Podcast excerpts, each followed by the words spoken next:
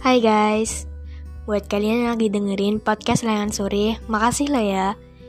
Arti definisi layangan sore sebenarnya adalah layangan yang terputus dari talinya karena terbawa angin dan tak pernah kembali. Ada yang berusaha menggapainya, ada yang tidak. Jadi, sesuatu yang udah waktunya pergi, akan ada saatnya dia nggak pernah kembali. Aku harap kalian ikhlas jika melihat suatu kepergian. Dan semoga kalian ketika mendengarkan podcastku, kalian lebih termotivasi dan relaksasi. Terima kasih.